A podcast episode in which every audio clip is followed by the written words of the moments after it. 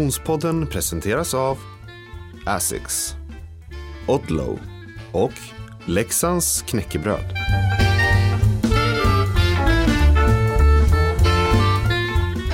Hej och välkommen till Konditionspodden.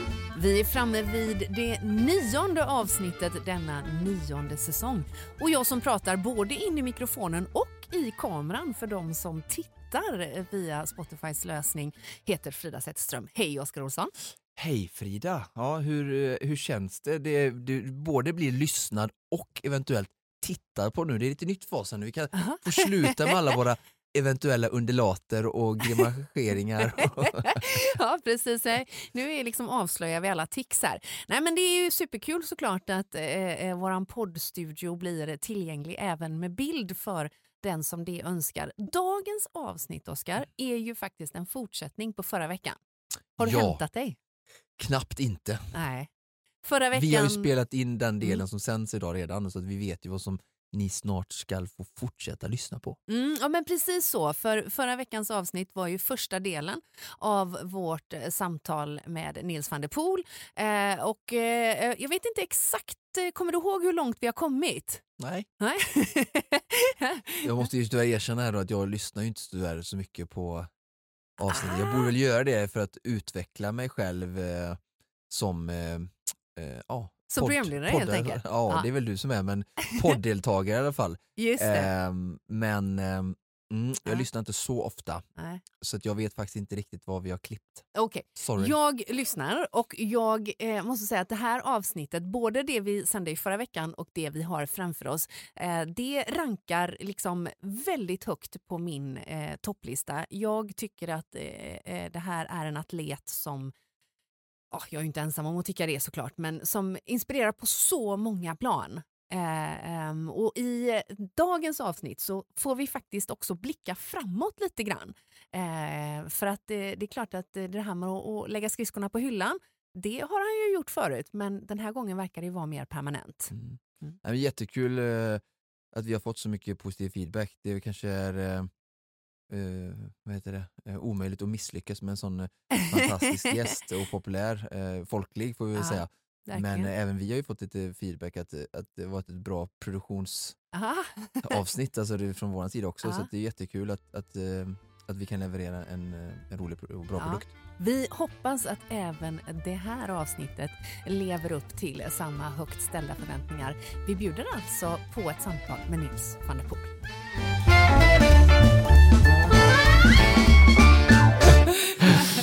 Ja, det var roligt. Ja, härligt. Om vi eh, hoppar fram i tiden då till eh, eh, den här eh, eh, träningslägret med, med olympiska, tilltänkta olympier på den eh, varma platsen. Var befinner du dig i din träning där och då? Vad, vad, vad har du för mindset kring din träning?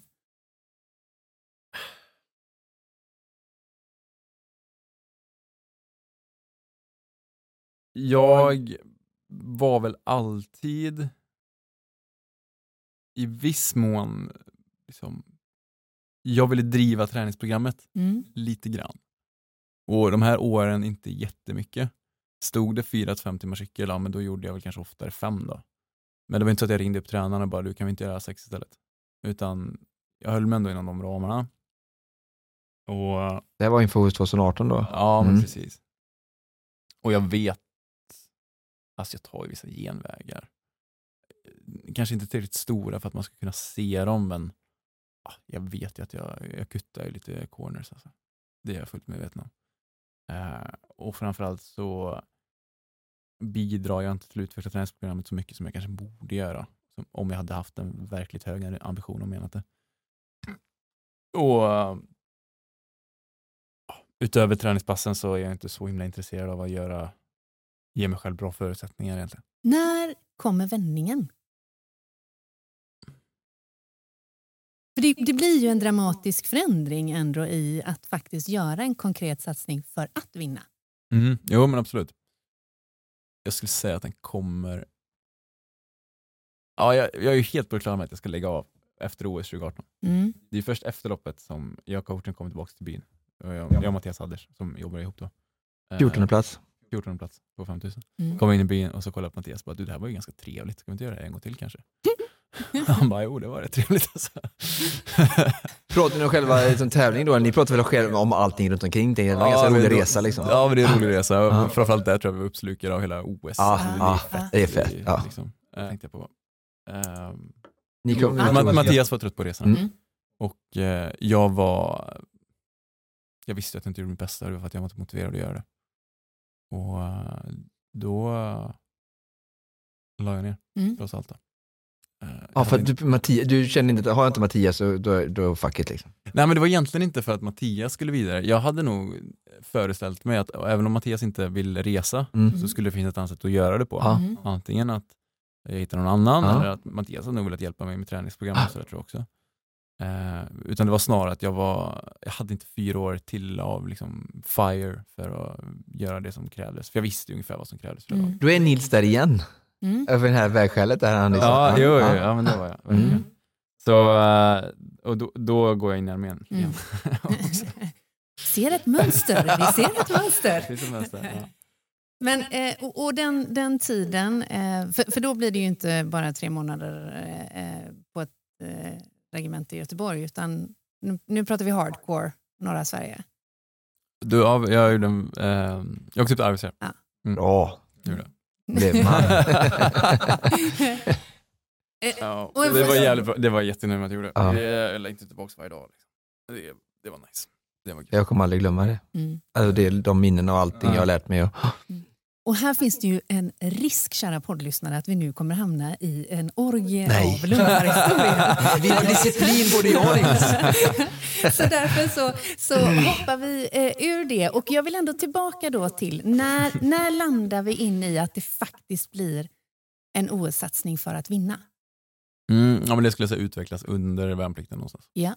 Eh, där kommer jag väl till. Det börjar gro en del insikter i mig som kanske kristalliserar sig senare. Kan vi kalla det mognad? Personlig mognad? Jag vet inte. Det var nog någonting åt det hållet. Ja.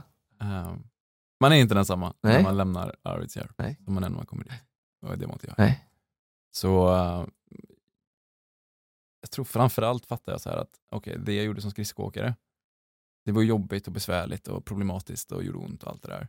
Men alla problem jag hade som skridskoåkare, de hade jag ju för, som skridskoåkare för att jag hade valt att vara skridskoåkare. Mm. När jag valde att vara soldat istället, det var inte att jag hade mindre problem.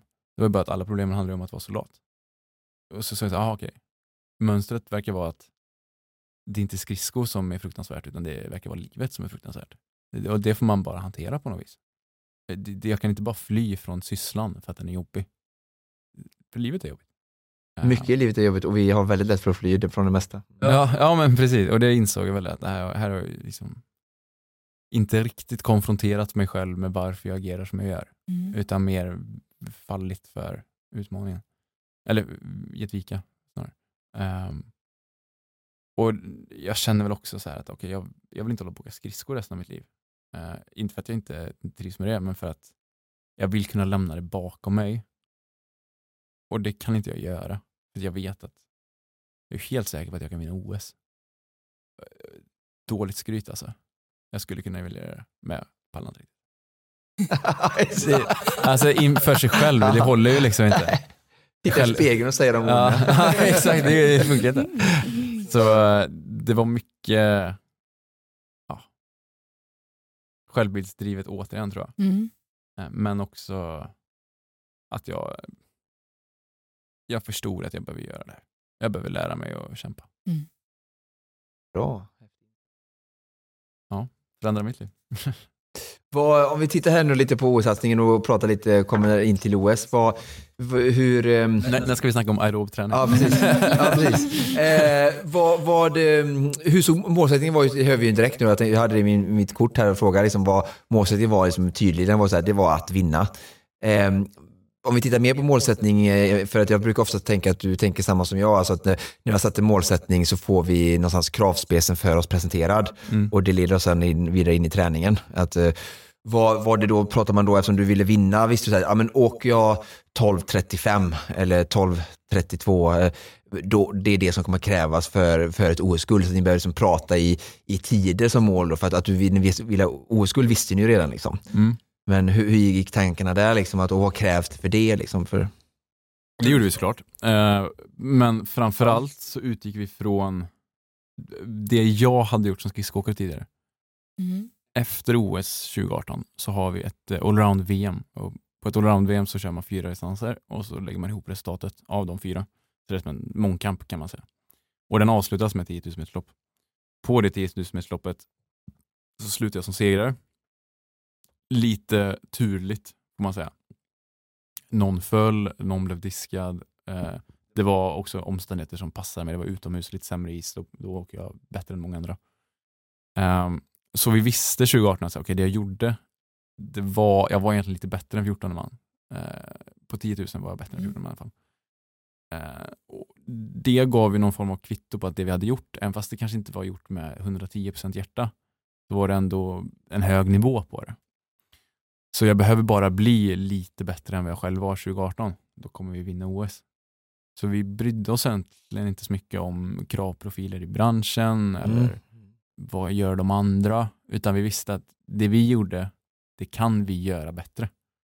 Eh, och vi, vi börjar där. Förädla det vi redan har. Precis. Eh, ja, det var väldigt bra ord. Och sen, och sen då kom vi in här då i den här vet du, det, träningsregimen. Vad, vad, saker som inte jag tycker riktigt jag har fått svar på. Jag är ju extremt, eh, jag har läst allting såklart och eh, även följt dig längs med vägen innan du skrev detta. Och träning i all stor utsträckning överhuvudtaget intresserar mig. Eh, men det som jag inte tycker finns så mycket med, och det kanske är för prat, men vad var basen? För att jag vet ju mycket så pratar ju du om i, i din eh, träningsregim som du har publicerat, eh, om eh, alltså det här med prioriteringar av resor och sånt där som jag tycker är jättespännande. Just att minimera resandet till fördel av träning och där kommer vi in på det här med balansen av träning och återhämtning och kanske det som många failar på att liksom, träna mycket kan vem som helst göra men, men återhämta sig det är ju liksom det svåra. Mm. V- vad hade du din bas?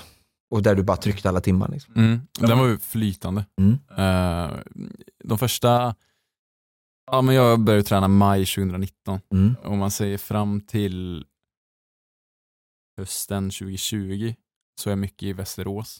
På Mm. en fallskärmsklubb där. Mm. Eh, Var det ett strategiskt val? då? det var ett socialt val. Okej. Mm. Eh, Jag trivdes där, en social Smart. situation som passade mig. Eh, Den träningen som bedrevs i den perioden var jag uteslutande aerob träning. Mm. Eh, Och när jag till- om jag hade gjort om det så hade jag nog idag prioriterat träningsmiljö ännu högre än vad jag gjorde då. Då Mm. prioriterade jag social miljö Mm. högt. Och, ja, för att det var det behovet jag hade Ja, då. precis, så det kanske var viktigt då. Ja, jag hade precis. inte gjort på något annat sätt Nej, men exakt. Nej. exakt. Uh, Medan jag idag kanske hade sett att men svenska fjällvärlden är ju härligare att, röra sig i. Då hade jag Mm. nog velat göra det istället ifall jag hade kört idag. Eh, men det var mycket så här cykeltimmar och löptimmar i men Mälardalen då, som jag gjorde. Och sen hade jag väldigt skoj när jag inte tränade. Ehm, så det var den första dryga året. Sen kom covid och eh, då drog jag hem till eh, Trollhättan till morsan och farsa och eh, gjorde mycket isträning där. För där hade vi bra förutsättningar i Slättbergshallen. då. Och sen eh, när tävlingarna väl drog igång där i årsskiftet då fick vi åka ut i Europa för att ja, vara med på den Mm. bubblan helt enkelt. Och sen sista året så var det väldigt mycket i år. Eh, för då, ja, där hade också en social situation som funkade väl. Och jag tyckte att det var en mer inspirerande träningsmiljö att vara i. Eh, Just för dig själv ur miljön, eller hur? Snarare än att det fanns så många skridskoåkare. Ja men absolut. absolut. För det här jag tycker är intressant att stanna där lite. Att, alltså, du har ju verkligen, eh, du har varit väldigt bra tycker jag, nu ska jag inte eh, alltså, säga vad jag tycker att du har gjort bra, är att du har verkligen liksom skapat dina förutsättningar. Ibland kan jag tycka att många idrotter, när jag följer olika idrotter utan att nämna någon, att de följer grupperingar, eh, normer som vi gör i vanliga samhället, som jag oftast brukar liksom kritisera och prata om. Liksom. Eh, att de väljer olika orter där det finns många andra duktiga åkare och sådär. Eh, du kanske kunde hitta andra, jag vet inte, duktiga i Tyskland eller hittat, sök dig till träningsgrupper. Det gör de mycket i cykling eller i triathlon. Men sådär, du var där, jag kommer må bra i själen i Åre. Så att jag, jag, jag är där liksom. Det, är- Ja. det var ju en framgång för dig. Jag Det säger inte att det är rätt för alla, men, Nej, men den är ju absolut. unik och, och spännande. Mm, jag är jätteglad att jag gjorde det. Jag hade inte kunnat göra det på något sätt. Eller jag visste, jag hade gjort det på ett annat sätt som junior Mm. och åkt på alla de här liksom, tio dagars lägren och alltid velat hem från dem så fort som möjligt.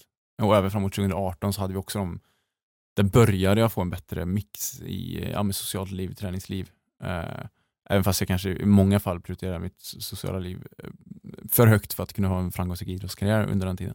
Men det var samma där, de träningslägen jag var ute på, det var mest att jag räknade dagarna för att komma hem igen.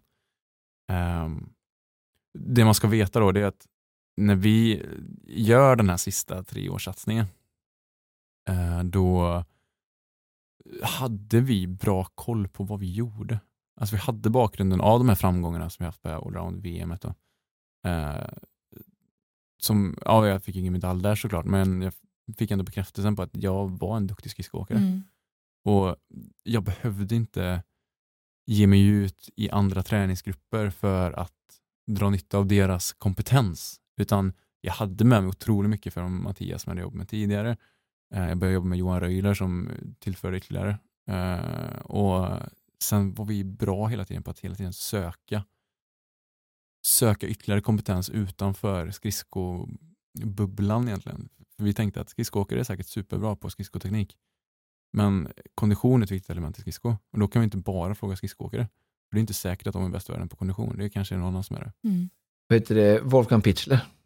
Hur Mm. han, Han kom in i bilden. eh, jag tänker, han har ju tränat många i konditionsidrottare i Sverige Ja, och i världen överhuvudtaget. Mm. På tal om att få hjälp. Han var ju en som vi resonerade med och som vi försökte få ut eh, ja, men erfarenhet från. Eh, och det var ju alltså det var en stor framgångsfaktor att mycket av det som Johan gjorde i sin idrottskarriär som Mm. gjorde att han aldrig kom hela vägen upp till en olympisk prispall I skridskor. i skridsko. Ja, Mm. precis. Han hade VM-silver som bäst. Eh, eh, men mycket av de misstagen han gjorde slapp jag begå. Och det var vi duktiga på, alltså att förstå andras erfarenhet och få dem att vilja dela med sig av dem. Ehm, ja, det var ju nyckeln. Alltså. Jag som följer längdskidsporten tycker det här är skitspännande just för att jag är ändå imponerad, alltså hur, det är ju ändå så liksom lärande i dess naknaste natur ska gå till, att du, du gör någonting och så ser du, utvärderar och går vidare. Det säger ju folk många fina föreläsningar och slicear, men sen är det en sak att göra det i verkligheten. Och, jag menar, jag tänker på våra längdskidslagslag då som vi konditionsidrottare följer mycket och intresserar oss för och, och hoppas på och, och så vidare. Eh, de har ju massa, alltså, jag tänker jag, formler, alltså i form av Johan Olsson, Marcus Hellner, Gunde Svan, alltså massa som har gjort lite liknande din första resa, om man säger så, med en framgång. Och att, att kunna titta på det och sen bara, det tycker jag, och för dig så se, får vi verkligen se det, alltså, vi, vi vet lite nu vad du gjorde innan. Och sen så har vi då ditt träningsmanifest, som verkligen, sen gjorde jag så här, från maj eh, 19 till 6 februari 2012, och, eller 2022. Och så fick jag den liksom effekten, alltså jag bara ändrade urvalet och jag tänker att fler kanske kunde göra det. Och tror du att folk negligerar sina egna lärdomar eller vågar de inte kanske göra den stora twisten som du gjorde för att gå från 14 till bara boom boom? Ehm, jag tänker att de negligerar sina egna lärdomar som att det inte är värt att skriva ner dem för ingen behöver ta del av dem. Eller, Ja, det kan väl vara en del att inte kunna använda dem, men mm.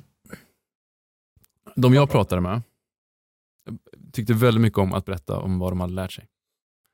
Det var, jag hade långa samtal med personer som inte jag kände, som, som var väldigt engagerade i att dela med sig av lärdomar inom konditionsidrott betalar de ett högt pris för i att frysa, svettas, kämpa och ha snor i fejan. Mm. Eh, och det gör ju att man vill ju gärna att de ska betyda så mycket som möjligt och därför delar man gärna med sig av dem. Och, och jag är en av dem eh, som gärna gör det. Eh, så jag tror att man ibland en vän som är eh, eh, en vän som är, jobbar som general, han sa så här, "Nej, jag är general, jag gör det här, för det är sånt här man gör när man är general. När han funderade på huruvida han skulle eh, uppmärksamma en viss eh, prestation som hade skett. Han var så här, kan jag verkligen uppmärksamma det här? Och liksom, ligger det på mitt bord? Får jag? Kan jag göra? Han bara, jag är general, jag gör vad jag vill. Och så gjorde han det. Och jag tror att så måste vi idrottare också se det lite grann. Mm. Att, Det legitimerar. ja exakt, bara, Mm. Jag är idrottsproffs. Mm. Ja, nu agerar jag som idrottsproffs. Jag har vunnit OS, då gör jag precis vad jag vill inom den ramen. För det, det är det som är min roll nu. Men du har pratat en hel del också om att eh, eh, du under den här perioden eh, kom till insikt om att insatsen och uppoffringarna måste vara värde även om man inte når målet. Mm. Utveckla det lite. För det är en ganska fascinerande Verkligen. tanke. Som jag måste säga att eh, eh, vi har haft förmånen eh, och, och jag i min programledarroll och träffar väldigt, väldigt många eh, spännande profiler. Det är ganska ovanligt att höra den reflektionen. Är inte det förvånande att det är konstigt? Framförallt Jo. en idrott. Eh, Alltså när man bara, är, det är det är inte det. förvånande att ingen verkar intresserad av att prata på vilket sätt vi ska misslyckas? Jo, det är det. Och jag tror att det hänger ihop med, det här är verkligen en hobbyanalys, men att vi pratar så mycket om den mentala bilden. Vikten av att alltid se bollen gå i det lilla hålet som Ja. bollspelare. Mm. Man ska aldrig se när man slår i vattnet. Den mentala bilden av att lyckas är så viktig så det är den vi hela tiden fokuserar på har vi lärt oss när det handlar om mental träning i Mm. mångt och mycket. Nu förenklar vi ju Ja. väldigt men jag tror att det kan påverka kulturen kring att då inte verbalisera och tala om det eventuella misslyckandet. Jag håller med. Ehm, Vad var det som gjorde att du hittade eh, den andra vägen? Rune Larsson sa en väldigt bra grej på en föreläsning. Som vi sa. Rune Larsson är ju en eh, pionjär inom svensk ultralöpning, eller ultralöpning i hela, runt hela världen snarare. Och varit en stor inspirationskälla för mig i min egen träning och en god vän också. Ehm, det var någon som hade sagt det här till honom när han hade hållit en föreläsning att eh, han hade förberett sig på hur han skulle hantera de tunga svackorna som kommer i en ultralöpning. Eh, timme 20, timme 40 och så vidare. Och så var det någon på en föreläsning som hade sagt till honom, men, men Rune, om du tror att det kommer hända, då kommer det ju hända. Och då hade du sagt, om du tror att du kan springa 40 timmar utan att bli utmattad. Så sen var det något fult ord tror jag, jag vet inte vilket han valde. Eh, men eh, det är så här, ja, nej, men du måste ju inse faktum. Mm. Att, du vet ju du också inom konditionsidrott, du kan ju inte låtsas som att du inte blir trött och sen inte blir trött. Det, det är bara fånigt. Ja. Eh, och till viss grad stämmer det ju om du står där på ett, ett 10 och ska slå, slå ut att ja, ja, om du bara tänker på vattenhindret så är det ju ganska stor chans att du hamnar i vattenhindret. Så är det ju samtidigt. Men eh, hela grundtanken är väl liksom att så här, eh, de flesta som försöker vinna OS-guld misslyckas med det. Alla utom en oftast. Ja, oftast blir det ju en som klarar det. Om man ska ge sig in i den branschen, då måste man ju förstå det. Att äh, det här kommer du förlora. Och om inte du vill jag förlora kanske du inte ska göra det här. Mm. Du, för då kommer inte du kunna resonera med ett liksom, klart sinne. Du kommer bli desperat, du kommer ta dåliga beslut. Eh, så jag tror att som idrottare med höga ambitioner, att inse att så här, okay, det här kommer inte gå bra. Men jag är okej med det Mm. och kan hitta ett sätt att eh, förhålla mig till det som gör att eh, resan kan rättfärdiga utebliven måluppfyllnad. Eh, och då inser man också att okay, då måste vi ha massa andra mål eller värden i vår verksamhet som kan rättfärdiga att huvudmålet inte nås utan att på något sätt då negligera att huvudmålet till eh, de ramarna vi har ska försöka uppnås. Vi får aldrig liksom överge det för då har vi inte längre någon eh, då, ja, då rättfärdigar vi inte det vi gör längre. Och, och på något sätt komma till de termerna och, och då kommer man ju till slut till det liksom jordens klyscha som är att ja, men det är resan som är målet och det är så här, ja, det kanske är så. Men det är ju så himla lätt att säga det och det är Mm. ganska svårt att faktiskt agera ut det. Jag ska försöka dra en kort, djup parallell här som kanske människor kan relatera till lite, för jag, jag skulle vilja dra en parallell här eh, till någonting som människor upplever kanske dagligen i relationer. Jag, för, jag, för, jag tycker för mig känns det nästan samma. Alltså, jag håller med dig med allting du säger. Eh, alltså, så var, förberedd, vara beredd på att, ska du ge dig in på det så måste du vara beredd på att förlora det också. Lite som alltså, spelar, du spelar ju högt spel någonstans ju. Tänk kärlek, många människor älskar ju eh, varandra eller går- ingår i äktenskap eller relationer och älskar varandra och tänker du måste vara beredd att förlora kanske det du, varför för att verkligen älska på riktigt och våga dig ge dig hän till 100% så måste du vara beredd på att det här kan jag också förlora en dag. Ifall personen försvinner, eh, lämnar dig eller det tar slut, förstår du vad jag menar? Men istället så får, får kanske inte folk våga ge sig hän helt. Eh, för att de är rädda att förlora, så de kanske du vet, är, eh, är lite andra eller, och i, i idrotten skulle det bli det också, att man inte liksom gör det helhjärtat eller förstår du vad jag menar? Du ser parallellen, alltså att Mm, vara beredd absolut. på att verkligen, för att du kunna, det ska bli äkta och verkligen på riktigt liksom. Ja men verkligen. Och vad, vad verkligen var, nu ska jag också vara förberedd och, och känner jag inte, är det inte värt att kunna bli hjärtekrossad eller lämnad eller personen dör eller försvinner. Så därför kommer jag välja att aldrig älska och jag kommer inte jaga det här oskulden för att just det, det är ju bara en som kan vinna. Fan, jag trodde ju alla skulle få stå högst upp och smaka på den här äh, sträva champagnen eller vad du sa. eh, liksom, ja. Ja, och det där är ju. Och det, det är lätt att blanda det, eller förblanda det med eftergivlighet. Mm. Men det handlar inte om efterbli- eftergivenhet, utan det handlar ju om realism. Mm. Mm.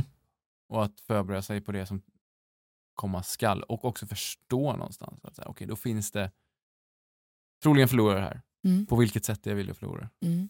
På vilket sätt kan jag förlora och tycka att det här känns, i magen känns det här bra. Mm. Sen kanske det krossar hjärtat. Men i magen känns det ändå bra att få förlora på det här sättet.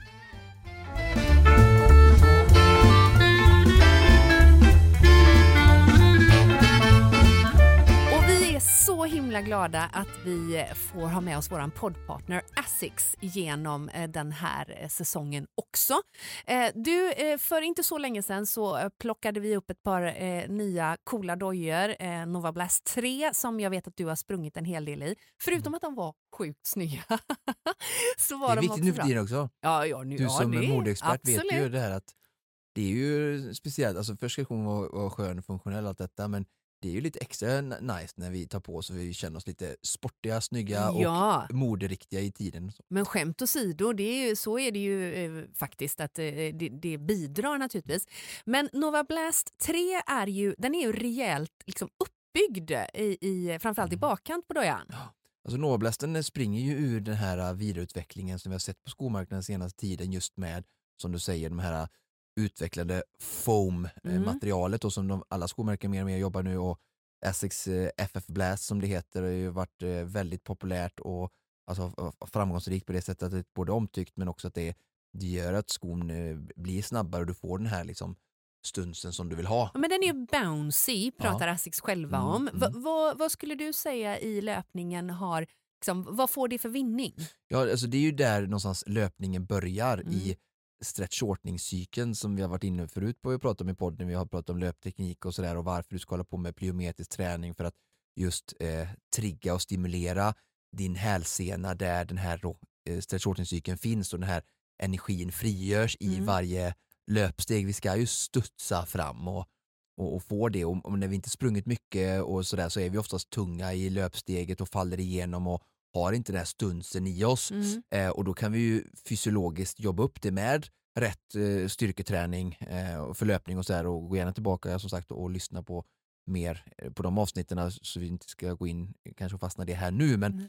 det här blir ju en ytterligare hjälp till detta. Nu är Mm. det inte så att vi kan köpa skor och slippa träna tycker inte jag men, men, men absolut så blir det ju den typen av effekt också add-on Mm. utöver din egna då liksom eh, bounciga eh, hälsena som du har beroende på hur mycket du har jobbat med ja, både löpning och då även då specifik löpstyrka och, och spänstighetsträning. Mm. Så att just den här bouncen är ju det som de här foam ehm, eh, materialen nu då och sulorna uppbyggnaderna ger. Mm. Och det är ju förutom att du då får såklart ett bättre löpsteg och du får den här fjongen som du är ute efter då Mm.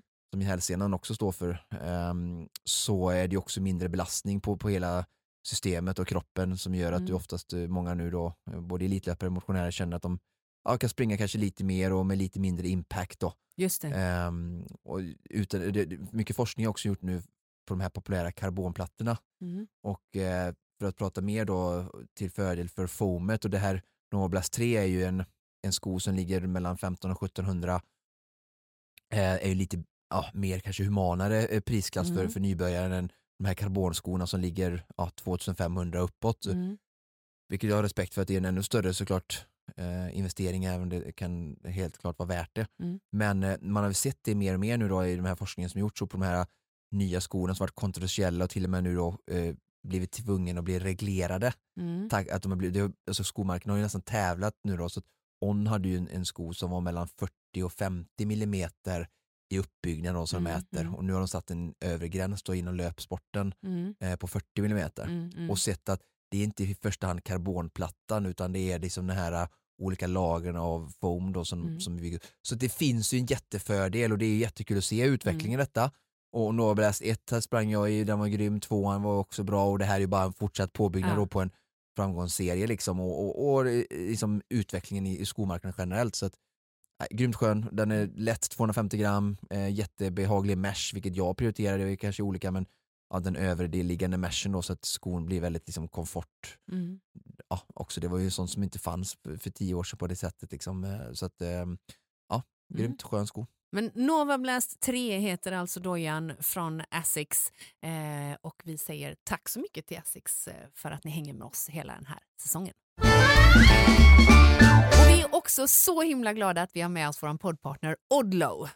Ja, verkligen. Och en sak som jag skulle vilja lyfta i, idag är, är väl lite det här med hållbarhet. Mm. Det känns som det bara blir mer och mer eh, på ett positivt sätt eh, eh, tal om det nu i den offentliga debatten just med ja, men, hör alltså folk tittar och planerar sin elförbrukning och vi ska hjälpas åt såklart att hålla nere priserna genom att vi kanske då har ett hållbart användande på Mm. elen och ja, hållbarhet har ju varit i, i i snacket länge det senaste många, på många sätt och, och då kan vi ju alltid se vad, vad kan jag själv göra och därför tycker jag det är extra kul att eh, Odlo som vi jobbar med då har- tar väldigt hårt på detta och nu har de ett eh, mål som äh, deras kallar Journey to 100% så att de ska gå mot, de har ett, ett val då, antingen så ska de ha 100% återvunnet eh, Material. mat- äh, nylon, äh, det, vad heter det? Eh, Hjälp mig du som är eh, fabric expert. Ja, ja, det som används mest. Polyester. polyester ja, precis. ja. Så antingen 100% återvunnet polyester eller 100% naturligt material. Då. Så antingen någonting av det, så helt eh, hållbart och, och ehm, återvunnet Mm. eller helt natur, Mm. naturbart äh, vet Mm. det, material. Mm. Och nu tror jag de är på sådär 89% eh, Mm. då. Så att de fortsätter resan där. Och sen också att de har eh, fabriker i Europa nu då, försöker flytta så mycket att hålla närare liksom för transporter och Mm, hållbarheten mm. ur det sektorn, egna fabriker. Och det- där tror jag de ligger någonstans runt 60 69% eh, Av produktionen. av produktionen Mm, eh, mm. i egna fabriker i Mm. Europa. Då. Mm, mm. Så att, eh, det är väl kul att se att de verkligen försöker eh, ha det som också som en ja, selling point och winning edge och på sitt sätt ta ansvar Absolut. och att vi kommer någonstans kanske tillbaka lite där, där vi har sett liksom, det var kanske där någonstans klädkonsumtion och sånt där började, att vi gjorde det hemma mer och sen så Mm. Prisernas, prispressen och konsumtionshetsen har drivit eh, företag till att hitta liksom, billiga lösningar där Mm. inte det varit kanske förmån för miljön i första hand utan mer pris och, och ja, Mm. så. Definitivt. att, eh, och Ja. du som har pratat om hållbart mode förut, att det mest hållbara modet har vi i garderoben och Mm. Ja, men det är väl ytterligare sånt Jo men det här är ju exempel. en, en hjärtefråga för mig naturligtvis och det är ju så att eh, funktionskläder eh, har varit en stor bov i dramat eh, tidigare eftersom det är eh, ofta ganska eh, behandlade plagg. Så det är underbart att Odlo, vår poddpartner, eh, tar eh, ansvar i hållbarhetsfrågan också. Tack så mycket säger vi till Odlo.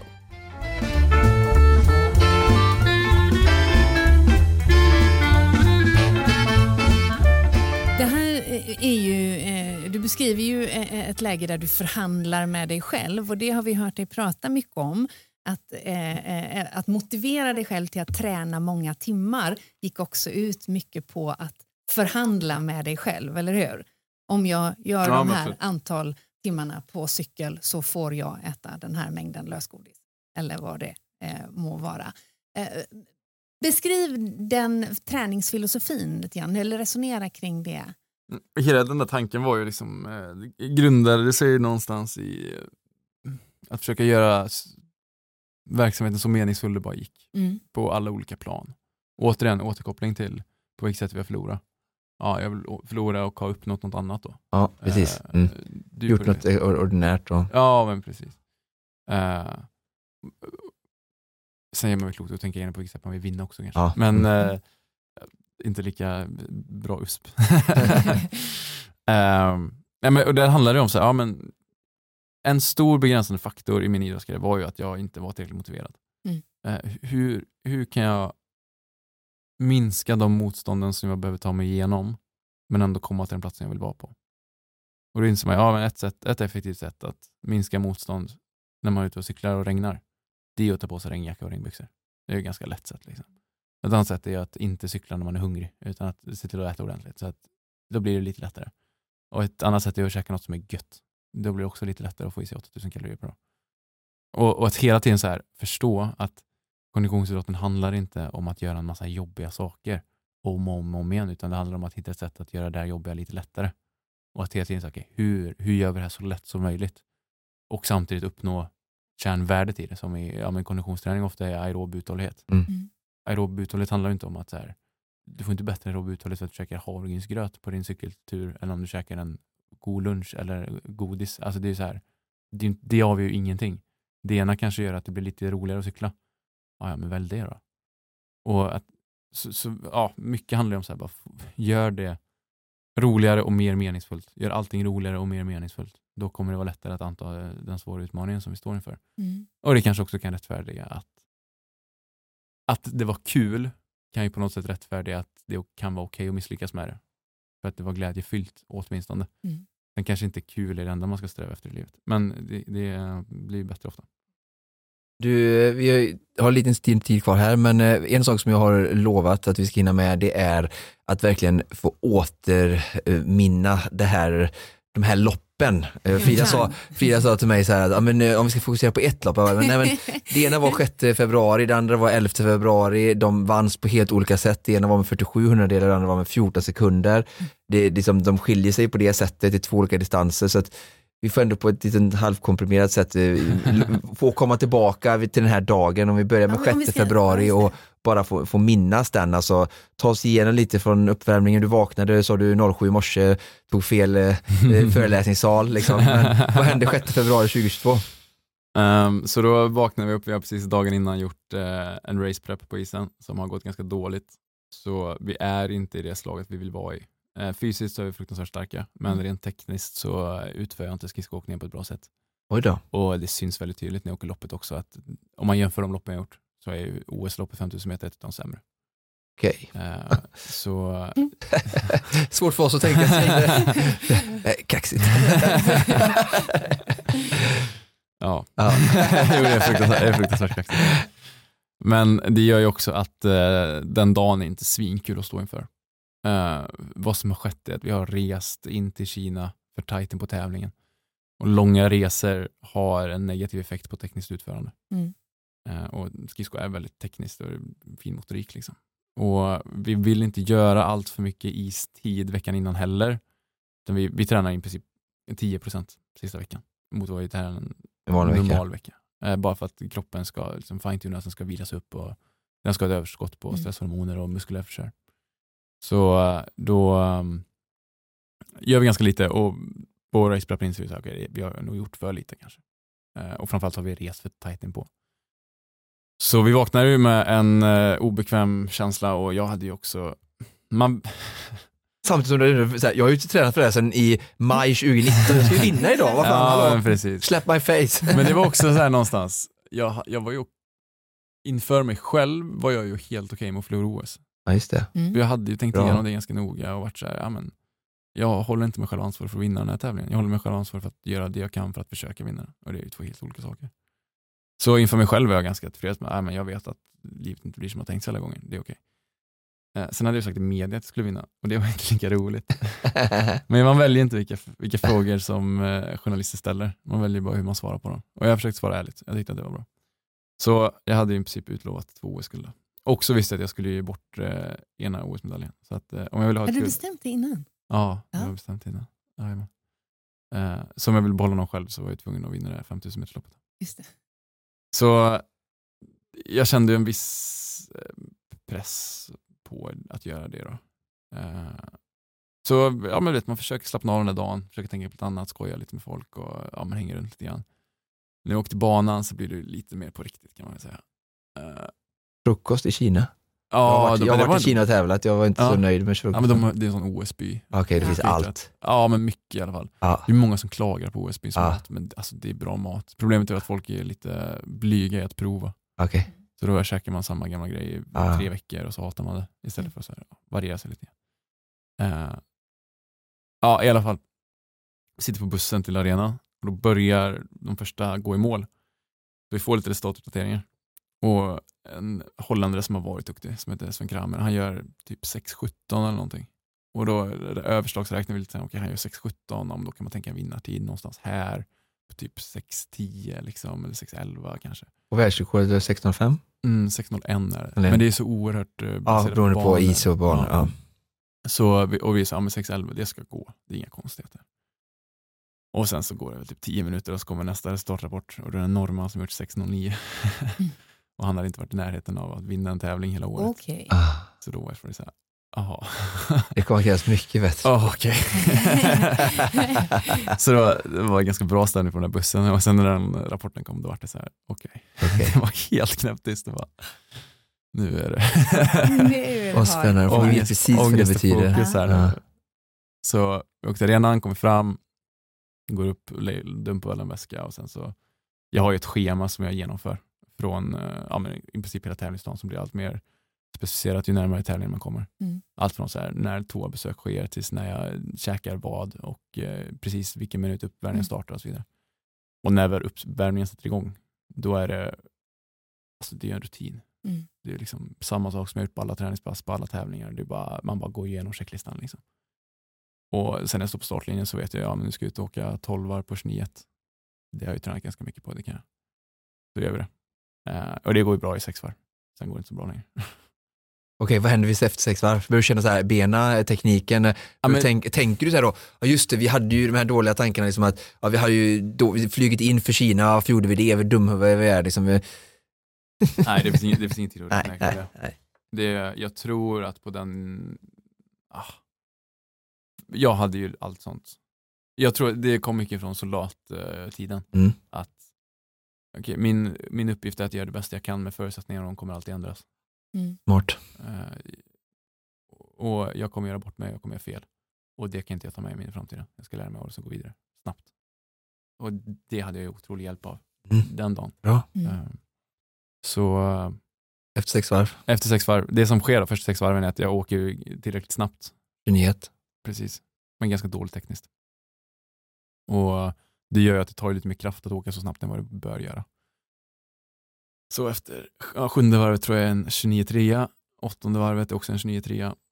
Och när de kommer då är det så här, då vet jag att okej, nu måste jag trycka ner de här. Mm. Vi hade ett lite, lite försprång för öppningen var lite snabbare än vi hade tänkt oss.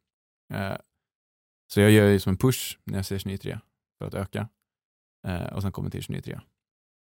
Eh, och när den tredje 29 29 kommer, då är jag väl då har jag försökt två gånger och sänka den här varvtiden och det har inte gått. Då är jag tämligen desperat i tankarna. Och då snackar vi typ två, tre varv kvar liksom. Ja, Och du ligger ju trea. Jag vet inte vad jag ligger jämfört med Nej. alltså de passeringarna som andra har haft så Nej. ligger jag ju bak. Alltså. Ja. Eh, vi går ju på ett helt rakt schema Just det. raka varvtider för att vi tror att vi åker snabbare om vi åker jämnt. Ja, för det gör någonting också. Jag har sett alla andra Ja, verkar åka snabbt, fort och sen bara tappar de, tappar de. Och Ja, det var det enda jag fick lära mig. För att jag kunde ju lite om skridskor innan eh, OS, men efter det här OS kan man mycket mer Ja. känns som. Många svenskar som eh, Ja, ja, känner att just den eh, Ja. Ja, utvecklingen. ett rakt schema. Ja. Ja, men precis. Och det där handlar ju delvis om erfarenhet. Mm. Att kunna åka jämnt. Gör det också. Eh, träna på det. Mycket. Mm. Det hade vi gjort. Eh, det hade inte de andra gjort lika mycket. Eh, det handlar också om, vi har ju en tanke om att om du har en muskulär försör så kommer du utföra tekniska momentet bättre. Mm. Och, och om du utför det tekniska momentet bättre längre in i loppet så kommer du också åka snabbare. Eh, och därför valde vi att åka jämnt. Eh, det betyder inte att jag inte liksom ansträngde mig maximalt fysiskt, det försökte jag också såklart göra. Eh, men många andra har tanken att när man åker skridskor så har du ganska hög fart. 10 000 är ja, vad är det, 50, det är typ 50 km i timmen vi åker. Eh, och om du bara ställer dig ett varv, bara kryper ihop och glider, du har fortfarande ganska hög fart efter 400 meter då. Mm. Vilket är att när du väl är uppe i farten så krävs det inte så himla mycket för att bara behålla den. Mm. Och då sätter man en lite högre fart och tänker Och att jag ja. tappar lite Mm. och det är okej. För om du går in på ett varv och har liksom en 29-0 i ryggen Mm. Och så har du bara kraft för att göra 31, Mm. ja men då kanske du är en 29-5 för att du har med dig farten. Mm. Och den tanken är väldigt gynnsam på de korta distanserna, framförallt upp till 1500 Mm. meter så åker ju alla på den principen. Att du går hårt, väggar med två varv kvar och sen överlever du och sen tar du dig i mål. Eh, problemet är att 5000 är 12 varv Just det. och då kan du inte göra det. Ja, det är en annan matematik. Ja. Du, du kan vägga på varv 11, det är okej, då har du Mm. 400 meter kvar. Mm. Eh, men många har väl inte riktigt övergett den, det tankesättet. Nej, just det. Mm. Och de har heller inte erfarenheten av att göra så många varv solo. Vilket att de har inte den tekniska eller liksom Den träningsfärdigheten. Ja, erf- nej, precis. Nej. Erfarenheten av att göra det på något Mm. sätt. Eh, liksom, eh, eh, Okej, så, med, så med två varv kvar då? Mm. Tre, ja, tjugo, men tre. precis. 329 har jag och då är det tre varv kvar och då, då tänker jag liksom okej nu är det nog nu är det nog silvret vi åker för. Uh, och jag var väl inte helt säker på att jag skulle kunna ta silvret ens.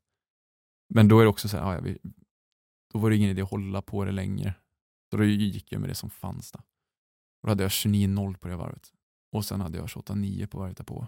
Sen tror jag hade 29-0 Ja.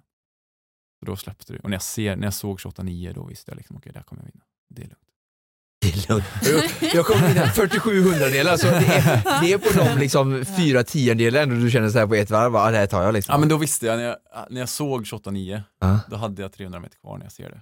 Det är ändå otroliga marginaler på ändå 12 minuters arbetstid. Det brukar inte kanske alltid vara 47 hundradelar liksom på 5000 meter löpning eller sådär. Liksom. ja men det är det absolut. Nej men så pass bra koll hade jag ändå. Mm. Eh, jag visste ju så här, jag måste göra ett bra sista varv för att det här ska funka. Jo. Men jag kände ju att, ja. Vi var inte lika säkra, vi hade den kunskapen. Jag stod hemma i köket och bakade, kom ihåg. Mm. ja nej men det var ju, det var, det var ju också så här efterhand så här lite roligt att det blev så. Nu, Jag tror ju att jag hade kunnat åka bättre på det loppet om jag hade haft en eh, smartare uppladdning. Mm. Eh, men rent Men du hade ändå, din träning hade hade ändå gett dig så pass mycket marginal att med en inte helt optimal teknisk förberedelse så gick det ändå liksom hela den här Ja. sagoresan hem. Liksom. Ja, men precis.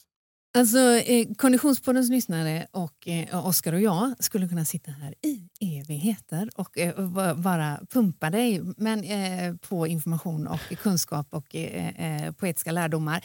Men vi vet att klockan tickar eh, eh, så att jag tänker att vi eh, när vi nu tar oss ur mm, OS eh, med, med två guldmedaljer, den ena skänker du eh, till Gui Minhai, eh, Eh, vilket hade bestämt dig för innan.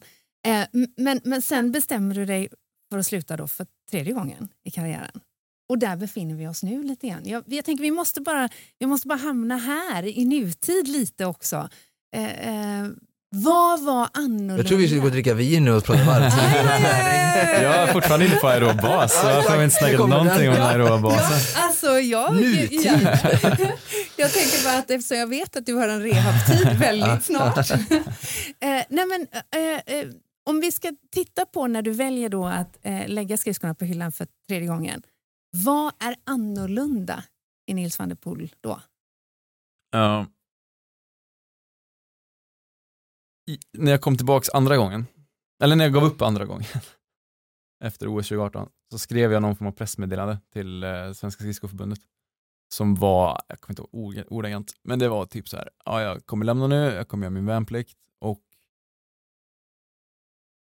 när jag bestämde mig för att göra min comeback efter juniortiden så var det för att jag visste att jag kunde bli olympier och jag kunde inte riktigt komma till freds med att jag inte var det.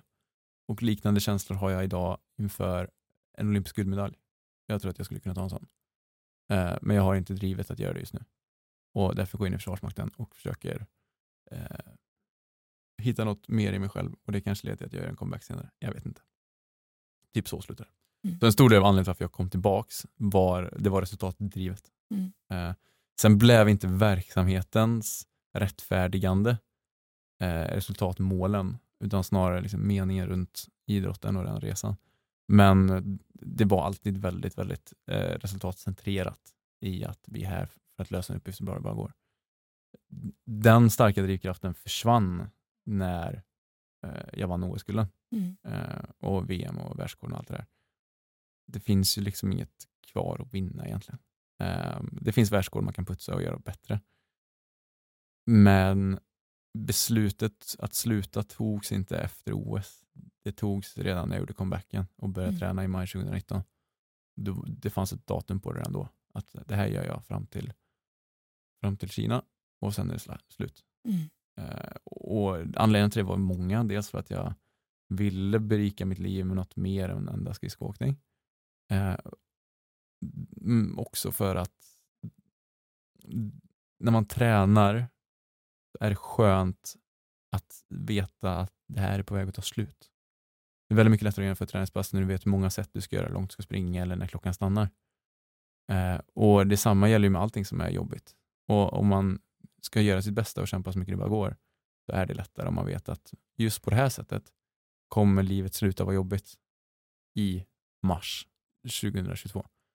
Om jag vill få ut något resultatmässigt av min skridskokarriär, då är det fram till dess jag har på mig att göra mitt bästa, för sen får jag inte någon mer chans att göra det.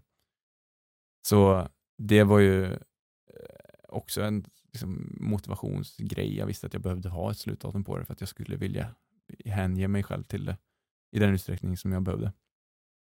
Um, så ja. Det var väl många anledningar till att jag gick vidare också. Jag tror att något som jag drevs mycket av det var så att bygga systemet, att komma på så här hur funkar det på det här sättet. Jag har ju en tanke här tillsammans med, med, med en del personer i min omgivning om hur man gör för att det är jätteduktigt på att åka skridskor. Uh, undrar om det funkar. Och det funkade. Och det som var kul att bygga det där, att hela tiden så här det enda som skilde, liksom jag satt just cyklade väldigt mycket och sprang mycket. Och, sådär och Till slut så är man ju bara en dåre som sitter på en cykel hela dagarna. Om man inte har en anledning till att göra det som är väldigt, väldigt stark. Eh, eller liksom energigivande på något annat sätt eller på en annan nivå. Och att återupprepa någonting jag redan hade gjort, det var inte tillräckligt starkt drivkraft för mig. Och jag, jag, kan misstänka att du känner igen dig i det. Liksom. Verkligen. Otroligt insiktsfullt. Jag tror många människor bara liksom går vidare utan att veta vad, men du visste redan detta 2019. Liksom. Det är otrolig mognad för någon som jag ändå trots min unga ålder betraktas som ännu yngre. Så otrolig, ja, otrolig klokhet av uh, alla människor jag någonsin träffat uh, oavsett ålder. Så att, uh, häftigt att, att höra. Tack så mycket. Och, och det måste jag säga också, jag tror att mycket av det här alltså, som jag kan prata om och säga idag, jag tror inte att allting var uträknat Nej. 2019, alltså det var inte kristalliserat på det sättet vissa saker vet man eller agerar man utifrån utan att kunna sätta ord på dem. Mm. Men man, man, känner ändå till dem på någon nivå. Jag, jag tror att det, ja, men det är de sista åren som jag har fått människor runt mig som har liksom gett mig förklaringsmodeller som har blivit applicerbara och gjort det ännu lättare att förhålla sig till de lärdomarna. Men förklaringsmodellerna till trots och även om ambitionen fanns där tidigt att du skulle sluta efter OS, hur mådde du när du faktiskt gjorde det? Uh, jag var ju väldigt trygg i uh, beslutet. Jag vill aldrig, så här, om jag kollar tillbaka på det, så saknar jag idrotten såklart. Uh, och framförallt så saknar jag att jobba med de jag jobbade med.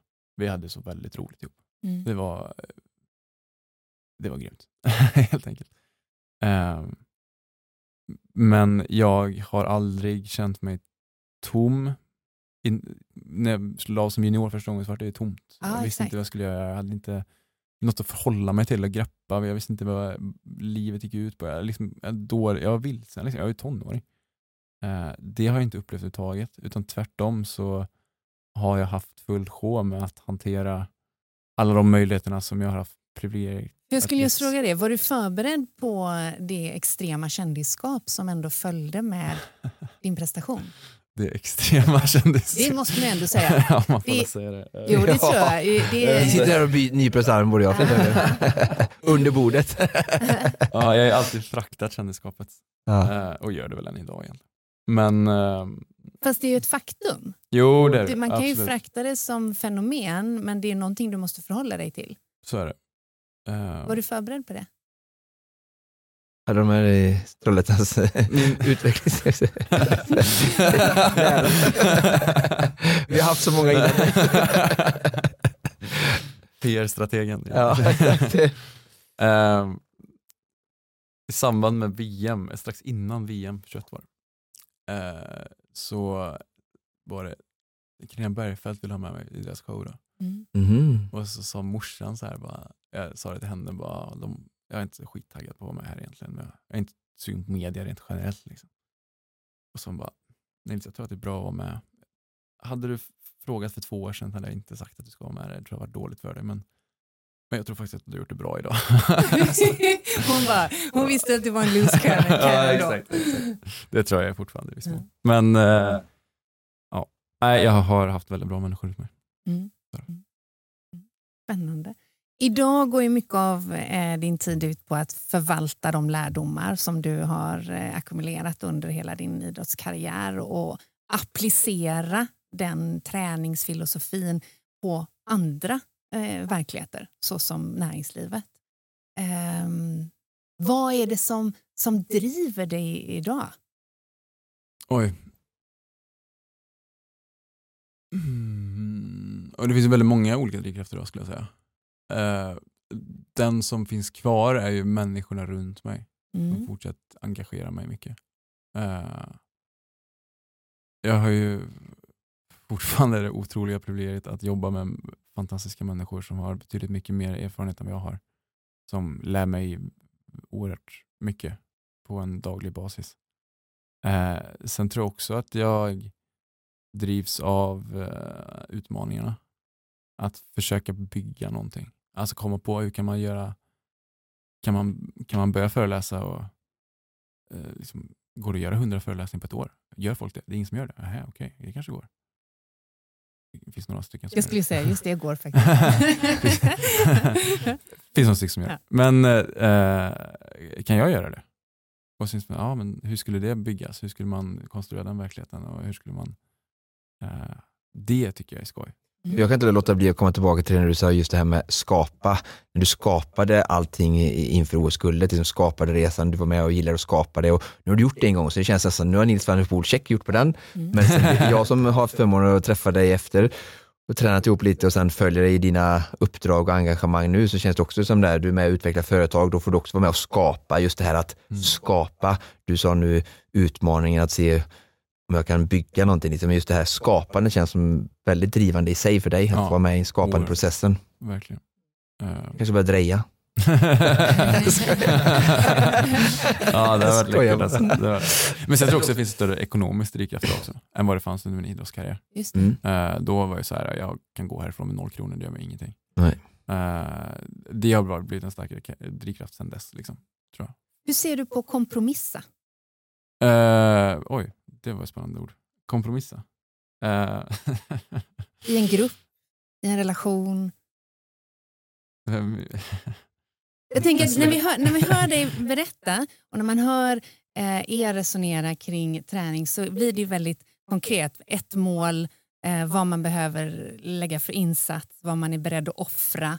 Eh, men i, i livet utanför idrotten så handlar ju mycket om att kompromissa i Mm. vardagen. Jag tycker att jag är bra på att kompromissa, men ofta tycker min omgivning att jag inte är det. Liksom, Men, det där, det där, Och i det här fallet är din omgivning tyst. men jag tror, jag tror inte att det handlar väldigt mycket om att ha en delad målbild. jag tycker verkligen det är sant. Att så här, Mm. Det skulle ju i så fall förutsätta att man behöver ha samma, att man behöver ha samma målbild. ja men precis. Och det, det tror jag kanske inte alltid att man har. Nej, nej men verkligen. Men alltså om man har en om man har en gemensam målbild, Mm. då är min uppfattning att då offrar man saker för att nå dit. Mm. Mm. Om man inte har en gemensam målbild, då kompromissar man och då är det målbilden som man offrar för att uppnå något annat istället. Mm. Nu kan man ju ha flera målbilder i och för sig Ja, absolut. och behöva kompromissa med, med ambitionen att nå sin egen målbild. Ja, men de olika målen. Ja, men precis. Det är så jag tänker. Det är så Mm. jag tänker. Så, ja, min, Mm. eh, Spännande. en släkting till mig sa så här att kompromissa är bara skit, alla blir missnöjda. Gissar att samma släkting skulle kunna skriva under på att balans i livet, nej det är inget för mig, det har jag testat. Hon är faktiskt helt fantastisk. Ja. Eh, vi ska alldeles strax runda av eftersom vi ska släppa iväg dig till rehabträning. För det är mycket rehabträning nu, eller hur Nils? Eh, Jag har haft en eh, rehabperiod bakom mig som Mm. jag eh, utträder ur, vilket är gött. Mm. Att få lämna sig bakom. Det var ju också den rehabträningen som satte käpparna i hjulet för er eh, gemensamma eh, idrottsliga satsning. Jag skulle göra min uh, swimrun comeback för första gången, inte för tredje gången. Så, men eh, ja, det blev inget. För, för det eh, Konditionspoddens eh, lyssnare kanske inte är helt eh, införstådda i, i att det faktiskt, det var ju på väg att bli eh, en start i ÖTÖ. Ja, så var det. Oskar, Försökte förbereda honom. Ja. exakt. Göra timmarna, jobba med tekniken. Ja. Framförallt jobba med tekniken kanske. det var väldigt roligt. Ja, det var roligt. Jag, jag, jag, har verkligen förlikat mig med det här som vi började samtalet med idag. eh, Att det är resan, eh, hur klyschigt det än får vara, så älskar jag resan. Och vi började en resa och jag, liksom, jag, jag kände verkligen inget så här, många, många människor i min omgivning bara, så var ju bara ja, starstruck, liksom, att du ska köra ÖTÖ med Nils, tyckte det var ashäftigt. Jag var lite mer så här laid back med liksom det faktumet, mer tyckte bara att det var en jätterolig grej att du eh, inte liksom Nils van skridskoåkare utan bara en extremt duktig, motiverad idrottsman ville göra en häftig utmaning med så kort varsel. Och så hela den resan, vi testade saker och liksom så, så här, liksom. sen blev den väldigt kort och avbruten och så, här, liksom. så att, Men jag hade ingen så här, jag har inte liksom gått runt och bara fasen det blev inte av liksom, utan på tal om det här med resan liksom. Och, ja. Ja, nej, men bra. Jag försökte vara tydlig med det i ingångs... Ja, ja, ja, ja, ja. Vi är glada nu att du har fått operera och att din höft verkar må bra. Ja, det är jag Mm. också väldigt glad för. Hur mår du i kroppen? sunt. Jag mår väldigt bra i kroppen nu. Mm. Det är väldigt gött. Hur mycket träning är det i ditt liv idag? Eh, mindre än vad jag hade önskat. Mm. Eh, men eh, det, alltså, det är ju en centri- central del av mig. Liksom. Mm. Jag älskar ju att träna. Jag kommer alltid, jag kommer alltid må bättre av att träna. Mm. Och nu har jag varit väldigt eh, fokuserad på eh, mitt eget eh, företagande senaste halvåret och lyckats bygga ett system där som har funkat bra. Mm. Eh, och Det tar alltid mer tid att bygga något än att förvalta det. Mm. Så nu ser jag att jag kommer ha mer tid till, ja, men till min egen träning också. Mm. Vad kommer Härligt. träningen bestå av? Eh, Simning och löpning är väl det som jag Ja. är mest taggad på. Just det, det är de Härligt. komponenterna i en swimrun. Ja. Där. Precis. Ja. Så, Jag vet. ja, jag vet. Ja. Jag vet. Ja, spännande. Nils van der Poel, tack så hemskt mycket för att du eh, kom och gästade oss här i Göteborg i Konditionspodden. Tack ska ni ha. Tack snälla Nils.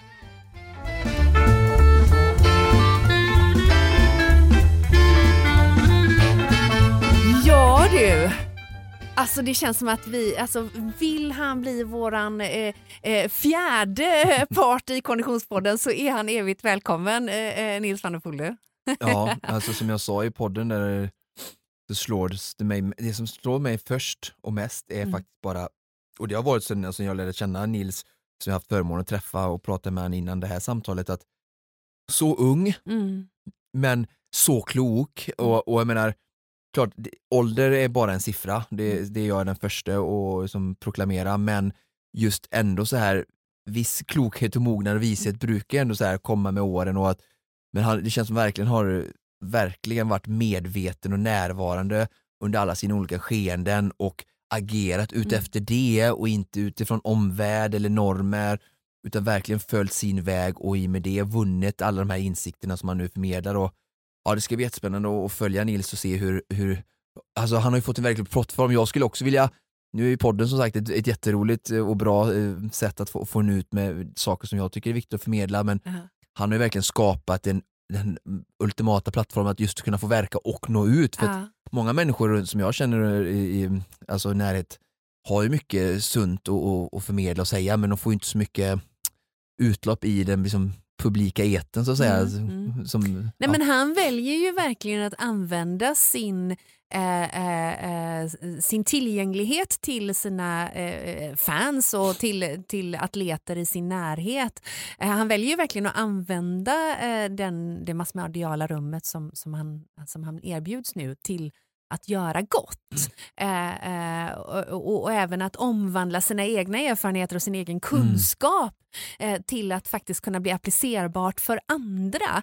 Eh, både då som vi hörde honom berätta inom eh, eh, näringslivet men också andra idrotter. Vi hann ju inte riktigt gå dit men vi kanske får anledning att återkomma till honom.